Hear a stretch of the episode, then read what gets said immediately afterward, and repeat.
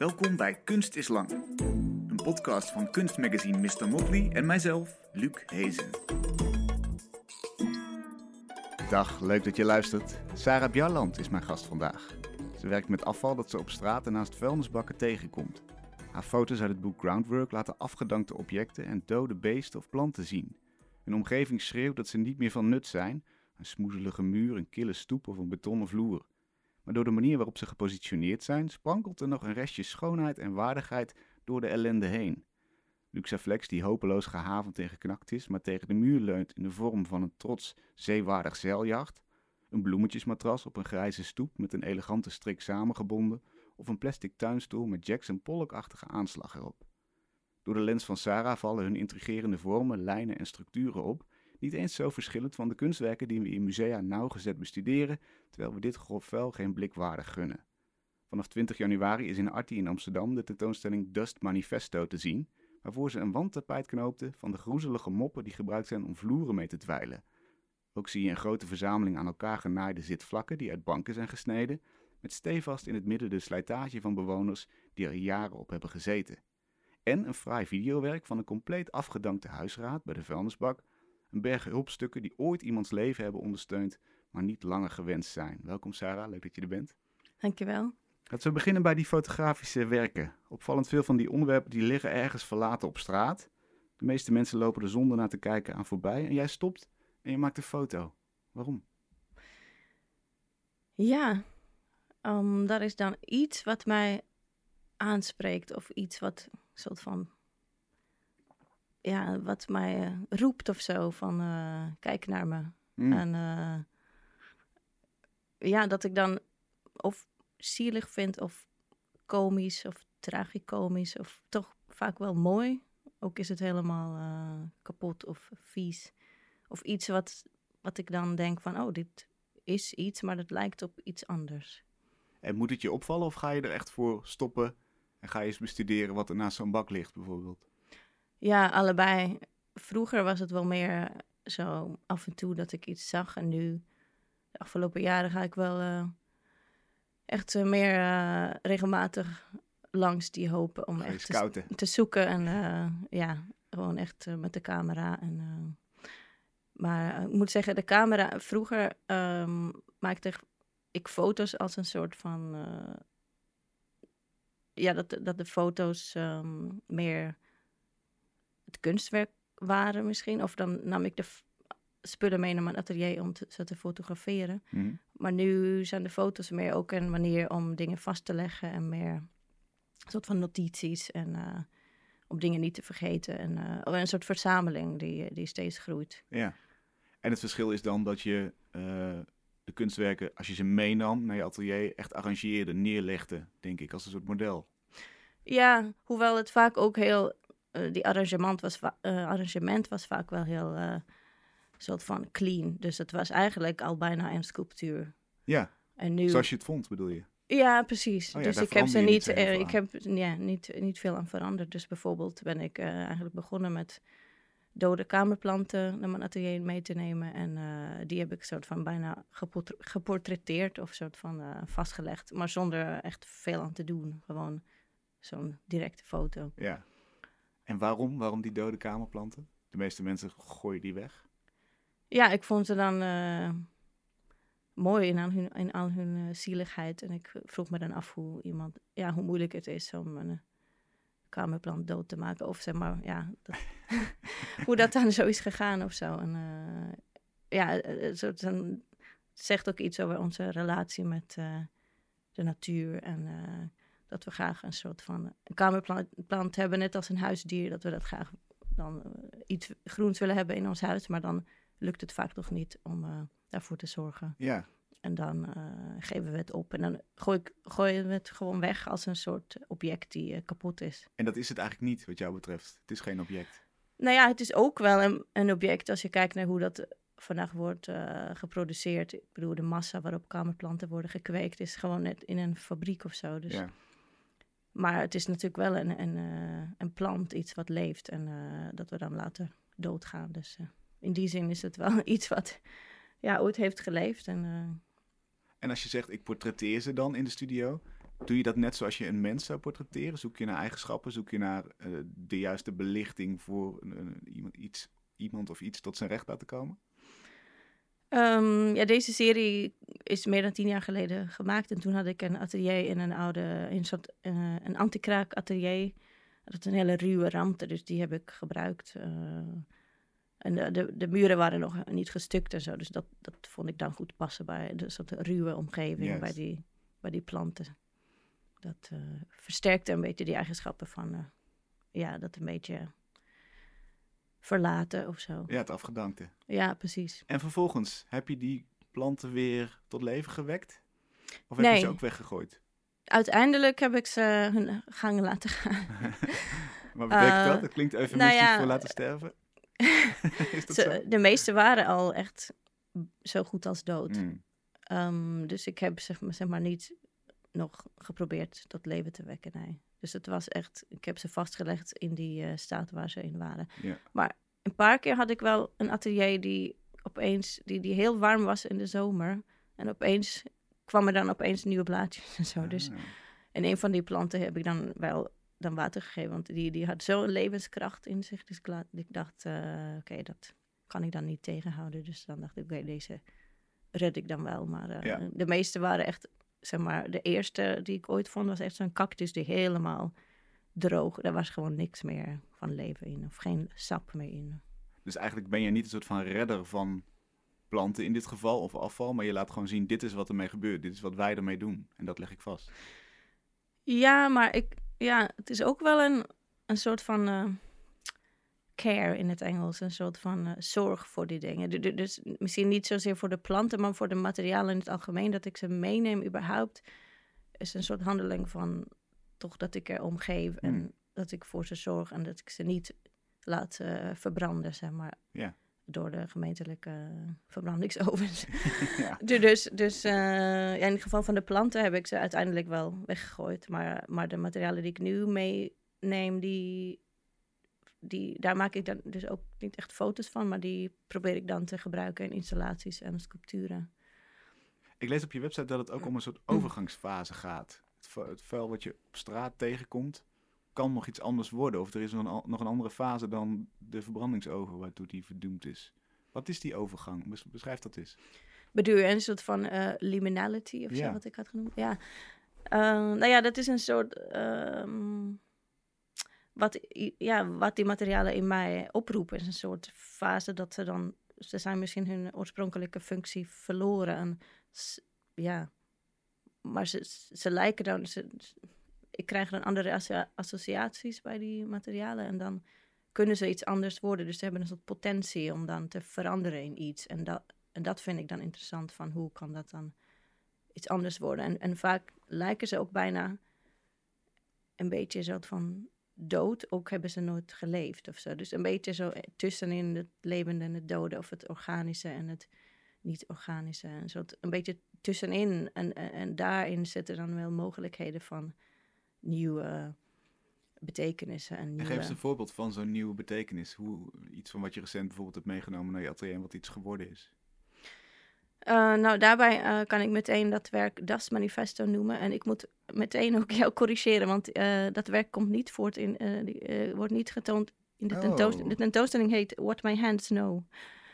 En dat is een groepstentoonstelling met twaalf kunstenaars. En dat werk Das Manifesto, dat ga ik daar niet laten zien, maar dat had ik sorry, ja. eerder besproken. Maar dat, Bij deze gecorrigeerd.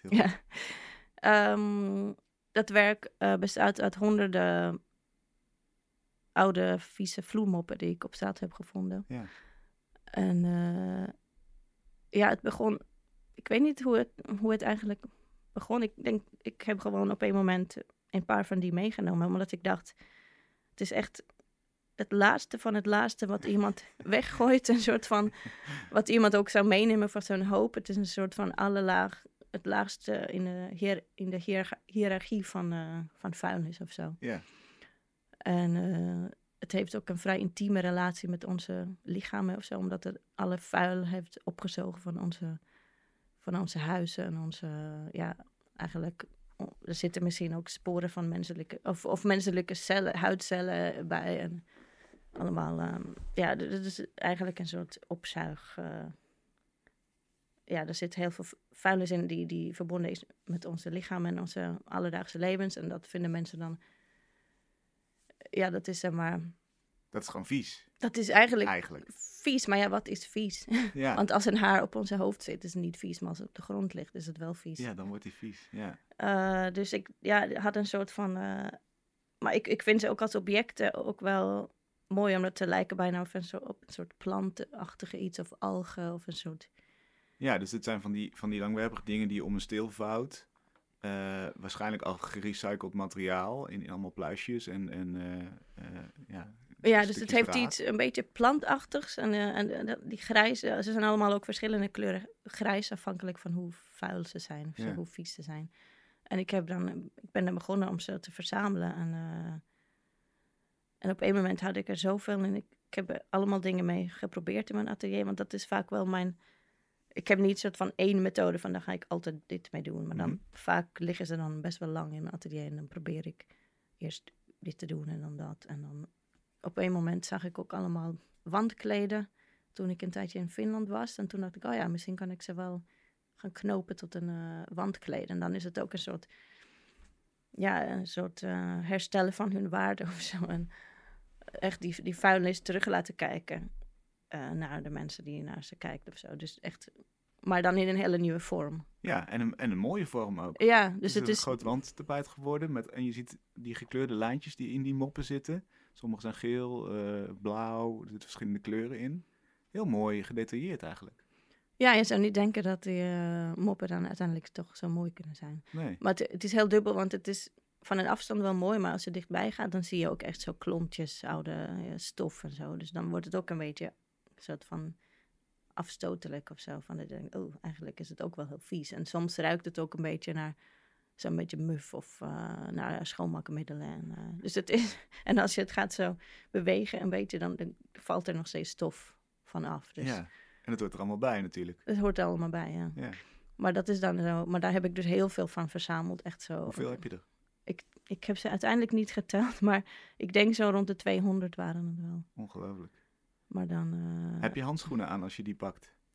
Ja, in het begin had ik, had ik niet. En toen dacht ik, nou ja, ik was gewoon mijn handen. Maar ik heb dan eh, vaak ook wel handschoenen meegenomen. Want soms zijn ze echt nog heel nat. En dan komen ze echt direct van iemand de badkamer of zo. Dus, Ja. dus Zitten er grenzen aan wat je meeneemt? Stel dat er bloed op zit of zo. Kan dat? Het bloed had ik nog nooit gezien. Eén keer had, heb ik eentje meegenomen en toen zag ik een paar dagen later zo'n maden daaruit komen. Toen dacht ik, nee, Oeh. dit is echt te vies. Dus die heb ik dan weggegooid. Ja. En eh, eentje rook ook echt naar kattenpis. Dus toen dacht ik, oh, die, die is echt ook, dat is echt eh, vies. Dus. Ja.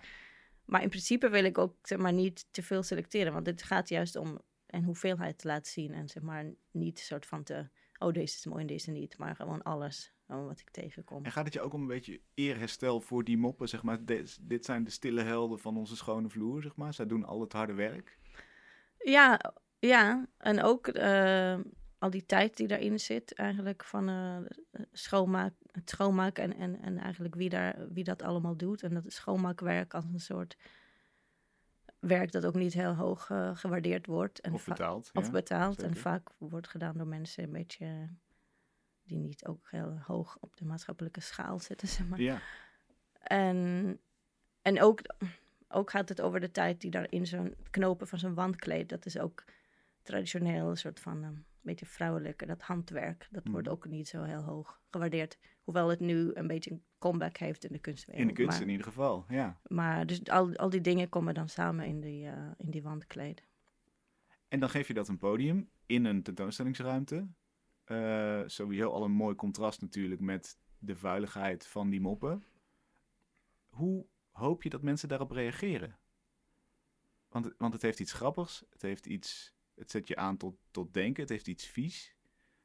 Eh, hoop je dat ze voorbij die eerste fysieke reactie komen, zeg maar. En, en bedenken inderdaad, hé, hey, dit gaat om een wandkleed. Dit gaat om mensen die eh, hierboven hebben staan zweten in die lege kantoren diep in de nacht. Eh, nou ja, ik, het kan op verschillende lagen werken, denk ik. ik hopelijk dat, dat mensen ook een beetje eh, verbaasd worden. Misschien van, oh, oh, dit kan je ook. Of dat ze niet verwachten. Want eerst zien ze ook niet dat het uh, vloermoppen zijn. Dus vaak zien ze eerst alleen een soort grote oppervlakte met allemaal kleurtjes. En dan pas als ze dichterbij gaan, zien ze, oh, dit, is, dit zijn vieze vloermoppen. Dus een beetje die verbazing vind ik ook wel. Of verrassing bedoel ik. Vind ik wel fijn als mensen dan eerst iets aannemen en dan zien dat het iets anders is. Ja. Maar ook die associatie met schoonmaken, dat ze misschien daarover gaan nadenken. En, en ja. Daarbij ook geholpen door de titel van de tentoonstelling natuurlijk, wat My Hands Know, dat, dat handgeknoopte, het handwerk. Dat aspect wordt daar natuurlijk ook in benadrukt. Ja, ja heel erg, want het uh, duurde best lang. Om, ik was een, een jaar mee ongeveer bezig. Niet elke dag acht uur lang of zo, maar toch wel een jaar aan het knopen, maar daarvoor nog paar jaar aan het, in, aan het verzamelen. Zo, Heeft dus... jouw werk, denk je, die white cube nodig als contrast tegen dat, dat vieze om het eruit te laten springen? Dus wat zou er gebeuren als je dit naast de vuilnisbak legt? Zou iemand het dan zien, denk je? Nee, ik denk dat dat voor heel veel kunst geldt. Als je naast de vuilnisbak legt, dan uh, is het opeens gewoon, dan, dan is er meer, geen hiërarchie meer. Met, ja. uh, dan is alles net zo uh, waardevol of niet waardevol, zeg maar. Wat, wat zegt dat dan over dat object zelf? Ja, nou ja, kunst is natuurlijk vaak uh, wat iemand zegt dat kunst is, dat is het. Zeg maar. Dus als je iets laat zien in een white cube, dan is het kunst. Ja, kunst is context eigenlijk dus. Ja, ook wel, ja. Iets in, in een bepaalde context dwingt het af dat we er zo naar kijken. Ja, precies. Maar vooral met dit soort spullen die, die heel vies zijn of, of zeg maar, gevonden voorwerpen, is die white cube wel. Dat geeft ze dan een bepaalde nieuwe context. Mm die uh, misschien wel nodig voor is, maar ja, in een andere context wordt het dan iets anders. Nou, ik zit nog even te denken ook aan het werk van de, de bankstellen. Ook schitterend, een heel groot, ja, ook eigenlijk, nou niet wandkleed, maar een heel groot tapijt is het geworden, hè, wat, wat over een uh, stok hangt. En allemaal die zitvlakken. En daarbij denk ik ook, ja, dit, dat, is, dat is, iedereen herkent dat beeld van een, van een vieze bank die ergens uh, opgehaald moet worden nog. En het wordt zo'n mooi beeldend element als het zo gepresenteerd is in zo'n tentoonstellingsruimte. Maar alleen daar. Ja. ja, dat werk is trouwens wel in Artie te zien volgende week. Um, ja, het, is. Uh, op straat zijn ze gewoon vies en oud en uh, niemand wil ze meer zien en aanraken. Maar als het dan. Uh, maar het is ook. Ik heb natuurlijk veel van die bankzetels. of die stukjes leer. Ik heb ik heb er veel van, dus het is een hele verzameling. Dus dat maakt het ook iets meer, omdat het meer zijn. Omdat het een soort van hoeveelheid Het wordt een ritme. Is. Het wordt een ritme en een soort, uh, bijna een soort plattegrond of zo van uh, menselijke levens. Of de tijd die iemand heeft doorgebracht met een bepaalde meubelstuk. En ja. Je ziet bijna soms op één bank van, oh, hier heeft één iemand heeft de hele tijd aan de linkerkant gezeten en de andere zo niet ernaast, maar echt aan de rechterkant. Dus je ziet ook zo de verhouding tussen mensen bijna. Dus dat is wel mooi hoe, hoe, hoe een stuk uh, oude leer of uh, nepleer dan uh, zoiets laat zien eigenlijk. Ja. Gaat het jou dan ook om die mensenlevens die erachter zitten? Nou, het gaat meer om tijd, denk ik. En ja, het verslijten van materiaal. En, ja, en ook misschien als een beetje als metafoor van, van, van het ja, van de materialen in onze omgeving. Of het, het werk heet Erosive Habits. Dus ehm, ja, hoe onze handelingen in ons alledaagse leven ook misschien op grotere schaal invloed heeft op onze omgeving. Daar, wil ik een beetje met de titel ook op spelen. Van dat je dan. Heel veel mensen denken niet zoveel over na hoe hun alledaagse handelingen misschien uh, gevolgen hebben voor, voor de aarde. Ja. Is dat iets, denk je, ben je daar zelf... Nee, laat ik het anders vragen. Wanneer ben je daar zelf bewust van geworden? Want ik zat op de fiets hier naartoe en toen dacht ik, ja, er zijn stadia in je leven dat je gewoon een hele nieuwe inrichting bijvoorbeeld wil. Stel je gaat op, uh, op kamers, je, je, bent student, dan richt je alles in. Of je hebt een tienerkamer nog daarvoor. En op een gegeven moment groei je daaruit. Ben je iemand anders, wil je iemand anders worden, dan heb je andere spullen nodig. Zo voelt het. Ongeacht hoe goed die spullen nog zijn. En eh, wat, wat is dat voor gekke relatie eigenlijk die wij met onze spullen hebben? Hoe ben je daarover gaan nadenken? ja, nieuwe spullen nodig hebben is ook een, eh, een vraag van wanneer heb je echt iets nodig? zeg Je hebt het niet nodig, alleen, alleen Je wil mentaal het heb graag. het nodig. En ja. waarom wil je het dan zo graag? Want Ja. dat, wordt, dat is dan ook iets wat zo diep zit in onze huidige samenleving in ieder geval. Van dat, die soort van drang naar nieuwe spullen. Dat we ons identificeren door hand van de spullen waar we, die ons omgeven eigenlijk. Ja. Is dat dan gewoon succes van, van winkels, van de, van de commercie, die ons heeft aangepraat dat je nieuwe spullen nodig hebt om uit te dragen wie je bent? Ik denk het een soort. En dat wordt weer door een soort kapitalistische gedachtegang in stand gehouden van steeds meer produceren en nieuw. En, eh, en, en dan moet je de consument aanpraten dat die eigenlijk niet gelukkig is zonder weer nieuwe spullen. Mhm. Eh, en natuurlijk, ja, IKEA en dat soort bedrijven die dan van die bijna wegwerpmeubels eh, produceren, die versnellen dat dan ook. En ik heb vanochtend, ik heb de afgelopen ti- tijd ben ik ook allemaal van die IKEA supergoedkope die laktafels aan het eh, verzamelen, want die Mhm. worden, e- die zijn ook echt zo wegwerpmeubels die ze die zijn van binnen eigenlijk ehm, gemaakt van ehm, karton. Zo denk ik, hè? Ja. Ja, dus die zijn heel kwetsbaar, die gaan heel makkelijk kapot. Ja. En daar heb ik nu iets van eh 15 of zo. En daar wil ik dan iets mee doen. Maar die, ook omdat het zo'n, eh, ja, zo gek is dat je dan iets, je weet gewoon dat het, je koopt, het wordt geproduceerd om, om weg te gooien. eigenlijk. Dus, dat vind ik zo gek, dat, dat bedrijven daar ook, dat dat gewoon en ze mag. Dat je iets mag produceren dat, ja, toch eh, zo'n korte levenscyclus heeft. ja. Maar Ikea zal zeggen, ja, maar mensen willen dit. Want het kost maar een tientje en, eh, en ze hebben een tafeltje nodig. Ja, nee, het is natuurlijk eh, kip in het ei. Waar, Ja. ja, je moet, en mensen moeten dat niet willen dan. Hm. Maar dat kun je ook niet eh, stoppen of zo. Of, of eh, je moet zeg maar ja, anders, anders gaan nadenken Het, over. kan een, het kan een effect zijn natuurlijk van ook wat je met je werk probeert te doen. Dat je, dat je daar een, een tandje bij wil zetten van het besef van ik moet iets beters kopen, iets wat langer meegaat. Ja, Of is dat buiten het bereik van... nou ja, of het, het is misschien ook um, iets wat de verantwoordelijk... Waar ligt de verantwoordelijkheid? Ligt het bij de, bij de bedrijven of bij de eh, consumenten? En, en zeg maar, er zijn ook mensen die... Er is een Duitse architect, denk ik. Hoe heet die nou weer? Thomas Rauw, denk ik. Die eh, het heeft over materiaalpaspoorten. En dat eigenlijk elke... eh, dat, dat de, de eindverantwoordelijkheid niet bij de consument zou moeten liggen, maar bij de producent. En dat de producent ook verantwoordelijk is voor het recyclen van een bepaald product. Hm. En dat je dan ehm, een product maakt zodat die ook opnieuw kan worden gebruikt, eh, gerecycled, zeg maar. Ja. En dat de bedrijven daarvoor moeten zorgen en niet de co- eindconsument. Want de eindconsument is een soort van, ja, wat moet ik hiermee? Die, dan leg je te veel verantwoordelijkheid op, op, op de individuele mensen. Het zou wel een ramp zijn voor jouw werk. Als er niet meer zoveel afval is.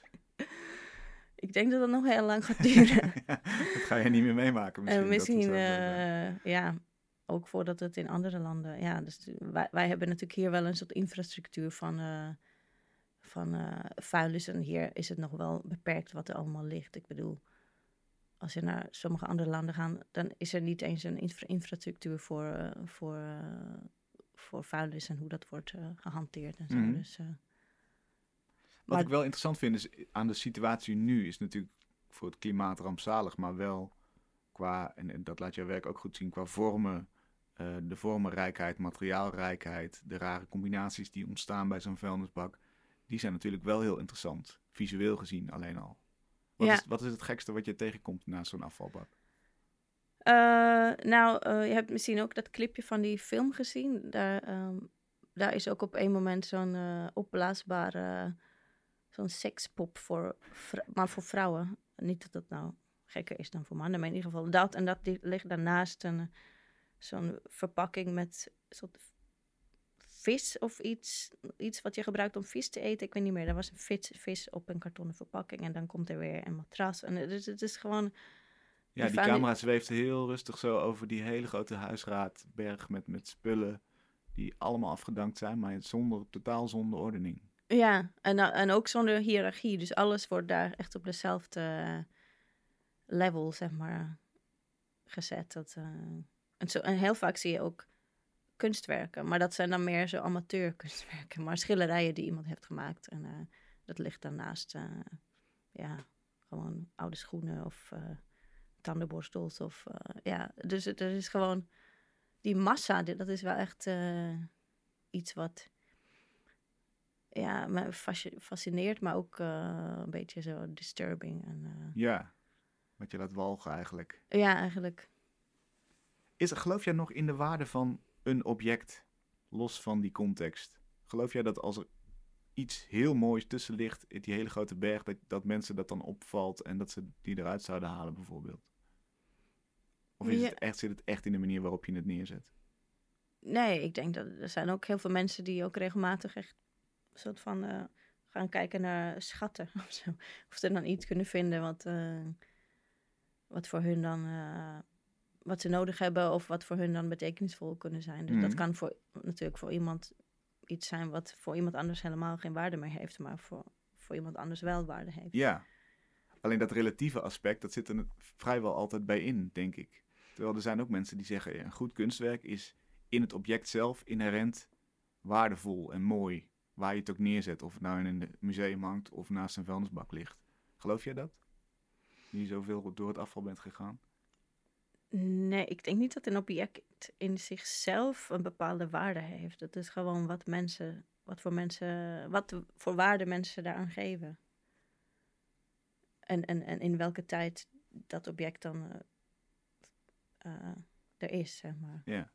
Wat voor waarde geef jij aan bijvoorbeeld de sculpturen die je maakt? Want dat, dat doe je ook. Hè? Dus het is niet alleen maar fotograferen of plaatsen in een andere object. Maar je hebt bijvoorbeeld uh, luchtbuizen in gips gegoten en die weer bekleed met het stof uit een droger, bijvoorbeeld?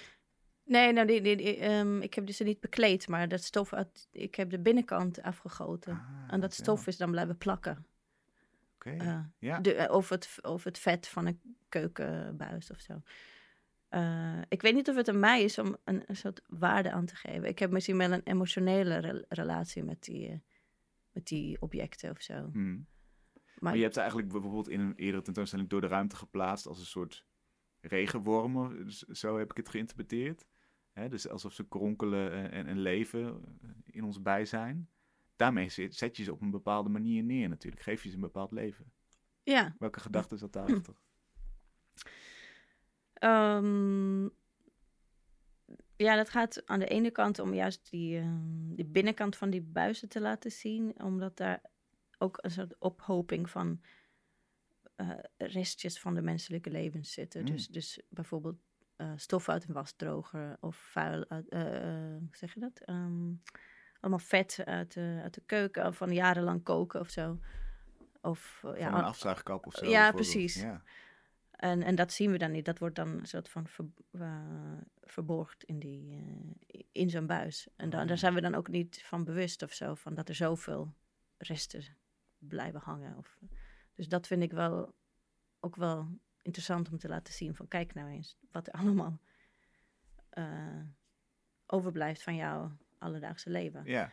En ik vind die buizen ook qua vorm heel mooi. En juist die, die relatie met dat meer organisch. En misschien dat het ook iets van darmen, darmen kunnen zijn of zo. dus die relatie met het lichaam. En, ja. Uh, zo zie je maar weer dat je dingen in het echt moet zien. Want ik had van de foto niet begrepen dat, dat het echt omgekeerd is. En dat het vuil wat erin zit nu aan de buitenkant zit. Ja, precies. Dus ik, dus ik heb in zo'n buis heb ik gewoon gips gegoten. En dan de buis weggehaald. En dan blijft dat vuil daar op het gips zitten. Ja.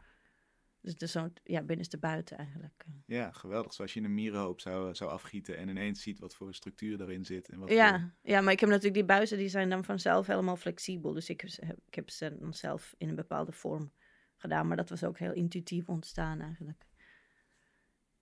Wat is het meest verbazingwekkende als je zo bezig bent met, laten we zeggen, de omgeving van de mens in kaart brengen? In materiële zin, waar, waar we eigenlijk geen acht op slaan, waarvan we denken, nou, dat, dat hoort er allemaal bij. Wat vind je daar het meest verbazingwekkende aspect aan? Want inderdaad, dit is iets waar ik nog nooit over na heb gedacht. De binnenkant van onze afvoerbuizen. Zijn er nog andere elementen of plekken waar je wel een zaklampje op zou willen zetten? Zo van, kijk hier eens naar. Oeh, dat is een lastige vraag met het meest verbazingwekkende. Ja, ik bedoel... Hmm. Ik word gewoon elke keer bijna als ik langs zo'n grofvalhoop uh, ga, dan word ik bijna elke keer gewoon verbaasd, omdat er zoveel zit. En ook de manier waarop mensen dan, eh, dat mensen geen waarde meer hechten aan, aan de spullen die ze, die ze kopen. Dat iets zo snel van waarde kan uh, veranderen van iets wat honderden euro's heeft gekost en de volgende dag. Of ja, dan ligt het op zo'n hoop en dan is het nul waard. Dus zeg maar die waardedaling of zo. In dan economische zin, maar ook in dat je iets niet meer waardeert als, er, als die kapot is of zo. Dat, dat vind ik dan verbazingwekkend van hoe dat dan precies functioneert of hoe dat werkt. Van, ja. Eh, dat effect heeft je werk ook heel sterk. Dat, je wordt bijna sentimenteel van die, die afgedankte spullen. Terwijl die voelen natuurlijk niks. Maar die liggen wel met z'n allen daar op een hoop naast zo'n bak. En uh, ze waren ooit belangrijk voor iemand en nu niet meer. Ja, maar ze zeggen gewoon iets over hoe we met uh, onze planeet ook omgaan. En, dat, en, en, en, met, en spullen staan natuurlijk ook symbool voor, uh, ja, voor wer menselijke werk. En hoe, ja, daar zit allemaal in, in één object zit ook uren van uh, werk of, of, of um, zeg dat, resources, zeg maar, wat ergens vandaan komt. Dus dat vergeten we misschien soms. Dat, dat, dat iets ook een hele, niet alleen CO2-voetafdruk heeft, maar gewoon ook menselijke uren ja. en zo. En dat, dat vergeten we misschien, of dat wordt dan niet meer op dezelfde manier op prijs gesteld. Maar ik las laatst nog iets over dat mensen misschien meer dingen waarderen die door, uh, door andere mensen die ze kennen worden gemaakt. Dus als je bijvoorbeeld een cadeau krijgt die zelf gemaakt is of zo, dan, dan, is het veel, dan hecht je daar veel meer aan. En dan zou je dat niet zo snel weggooien, omdat je weet van, oh, die persoon heeft het echt voor mij gemaakt. Maar als, als het helemaal anoniem is, die hele proces, die hele keten, dan, dan is het zo makkelijk om dan uh, dat weg te gooien. Ja. ja, dan is het door machine gemaakt ergens in China. En uh, prima, dat, dat heeft verder geen relatie met jou, jouw verdere leven. Ja. Hoe ga jij eigenlijk zelf met afval om? Kun jij iets afdanken wat in je huis niet meer nodig is? Of ben je daar moeilijker in? Ja, als het nog bruikbaar is, vind ik het heel lastig om het echt weg te gooien. Dus dan probeer ik het wel aan iemand te geven. Um, we hadden laatst uh, nog een, een, uh, een soort op, opruimen dagje met allemaal speelgoed die weg moest. En mijn man zei, oh, laten we het gewoon echt weggooien. Want ik vind niet dat andere kinderen dit, deze plastic dingen moeten hebben. Maar ik denk dan, ja, anders gaat iemand anders dat toch nieuw kopen. Dus is het niet beter om het toch aan iemand te geven. Mm. Dus ik probeer dan toch, ja, ik, ik, wil dan toch niet echt dingen weggooien. Want ik weet dat ze gewoon worden verbrand. Uh, en uh, dat vind ik dan zonde, als, als ze nog bruikbaar zijn. Ja. En dat dilemma wat ik net beschreef, hè? je staat op een kantelpunt in je leven en je wilt een heel andere kant op en er horen nieuwe spullen bij. Heb jij dat ook nog of zeg jij nee, ik ben me zo bewust van wat er allemaal aan grondstoffen verloren gaat dat ik dat niet meer wil? Ja, ik heb niet de neiging om een hele nieuw interieur te doen. Dat zou ik ook niet kunnen betalen. Dat, uh, en ik vind het ook, ik snap niet waar, niet zo goed waar, waar, Ik denk als je een nieuwe ontwikkeling in je leven wilt, dan moet je misschien naar jezelf kijken, niet naar je handelingen en meer wat je doet en niet naar de spullen. Zeg ja. maar dat vind ik dan een beetje oppervlakkig misschien. Oké, okay, één nieuw kledingstuk of zo, dat snap ik wel, maar alles helemaal eruit en vervolgens allemaal nieuwe spullen daarin, dat, dat ja, dat snap ik niet zo goed. Mm -hmm. Alleen omdat het kan, betekent niet dat je het ook moet doen, zeg maar. Hoe komen we zover dat de hele maatschappij zo gaat denken? Want dat is eigenlijk wat nodig is, eigenlijk de hele wereld, misschien. Ja, dat is wel een lastige vraag. Ik denk ook wel bij kinderen dat uh, misschien gaan uh, leren of zo op school. Dat de school wel een, uh, een rol in kan spelen. Laatst bijvoorbeeld was op de school van mijn dochter kregen ze allemaal met Sinterklaas een cadeau. En dat was dan plastic speelgoed waarvan ik denk, ja, waarom doe je dan niet, niet meer iets duurzaams of zo? Dus daar, daarbij kan het wel beginnen. En misschien ook wetgeving en uh, de politiek. En kunst, speelt, speelt die daar een rol in? Ja, ik denk zeker. Kunst kan wel mensen op nieuwe manieren laten kijken naar de wereld. Maar het heeft ook een beperkte bereik, denk ik. Ja. En wat nou als er een, een rijke verzamelaar in een tentoonstelling bij jou komt en zegt: Oh, dat wandkleed neem ik mee, die wil ik wel, dat wil ik wel. Uh, kom maar, ik heb genoeg geld, doe maar.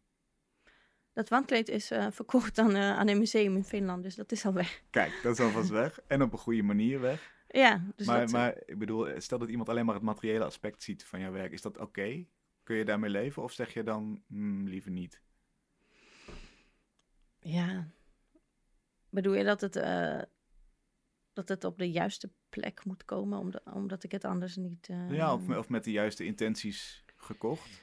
Als iemand alleen maar zegt, hé, hey, dat ziet er leuk uit. Uh, dat, ik gooi mijn oude wandkleed weg en ik, en ik ga dit er voor neerhangen in mijn, in mijn privécollectie. Zou dat erg zijn? Mm, dat weet ik eigenlijk niet. Het is een beetje ja, afhankelijk van het werk en wat voor emotionele relatie ik daarmee heb. Want als het iets is waar ik dan heel lang aan heb gewerkt en een bepaalde context dan heel belangrijk is, dan vind ik het jammer als iemand het alleen maar als een soort nieuwe interieur ziet. Maar aan de andere kant, als ik iets kan verkopen en daardoor weer nieuw werk maken, dan is het ook wel uh, goed. Maar ik vind het natuurlijk wel fijn als meer mensen mijn werk kunnen zien. En dat het niet alleen uh, een soort uh, decor is of zo. Ja, zeker. En de boodschap, maakt dat ook nog uit? Dat iemand dat snapt? Ja, ik denk dat mensen dat wel ook wel snappen eigenlijk. Bij mijn werken. Dat, nou ja, kan niet anders. Nee, nee, nou niet iedereen, maar misschien maar als, als iemand het echt wil kopen, dan denk, je, denk ik wel dat, het, uh, dat ze daar iets mee hebben. Wat, ja, wat misschien niet hetzelfde is als wat ik mee heb, maar voor hun dan iets betekenisvols. Ja. We hebben de foto's, we hebben de sculpturen, videowerk van afval. Wat, wat is de volgende uitdaging? Zit, zit er nog meer? Waar gaat je werk naartoe, denk je? Nou, ik ben nu bezig met een uh, publiek werk. Maar daar kan ik nog niet uh, veel over zeggen, want het is nog niet zeg maar, formeel nog, uh, of officieel. maar dat is waar dus... het komt of zo. Ja. ja. En, en wat, wordt het, wat wordt het voor soort werk? Ja, dat wordt, uh, dat, dat wordt een permanent werk op een rotonde.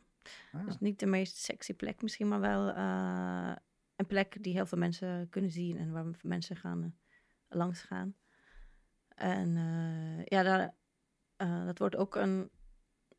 Het idee is wel als uitgangspunt wel een soort alledaags object te nemen. En dat dan te soort van reproduceren. En een object die, die ook niet echt een soort waarde heeft van zichzelf, maar in, hopelijk in, de, in het kunstwerk wel een nieuwe betekenis en waarde krijgt. Dus dit, dit is het experiment waar we in het begin eigenlijk aan raakten. Hè? Dus dat het niet meer in een white cube staat, maar in zijn eigen omgeving moet Ja. zien te overleven. Ja, dat is waar, ja. Speel je dan met schaal of met, met, met plaatsing? Want je, je moet iets doen waarschijnlijk om het eh, te laten opvallen. Ja, nou in dit geval denk ik dat het een. Het gaat om een bepaalde hoeveelheid van, eh, van een object. En, eh, maar het is nog een beetje te vroeg om Ja. nog over details te hebben. Maar ja, het, het is een hele nieuwe, nieuwe context. Dus ik ben benieuwd hoe dat dan ontvangen wordt. Dat is de volgende stap eigenlijk in Ja. je werk. Ik ben heel benieuwd. Ja, Ergens op een rotonde in Nederland. nou, niet in Nederland, maar Oh, niet eens in Nederland? nee. Oh, oké. Nee, goed. Dus, dus, dus de, de buitenwereld, de omgeving ga je, ga je verkennen. Ja. Succes daarmee. Noem nog één keer de tentoonstelling en wanneer ja, de tentoonstelling heet dus What My Hands Know in Artie in eh, Amsterdam. En daar doen twaalf kunstenaars mee. En ik heb het samen met eh, Charlotte Moem georganiseerd. vanaf 21 januari te zien in Artie. Ja. Dankjewel, leuk dat je er was. Dankjewel. Tot zover Kunst is Lang van deze week. Wij worden mogelijk gemaakt door het Prins Bernhard Cultuurfonds, het BNG Cultuurfonds en het KF Heinefonds. Waarvoor heel veel dank. We zijn er gewoon volgende week weer. Heel graag. Tot dan.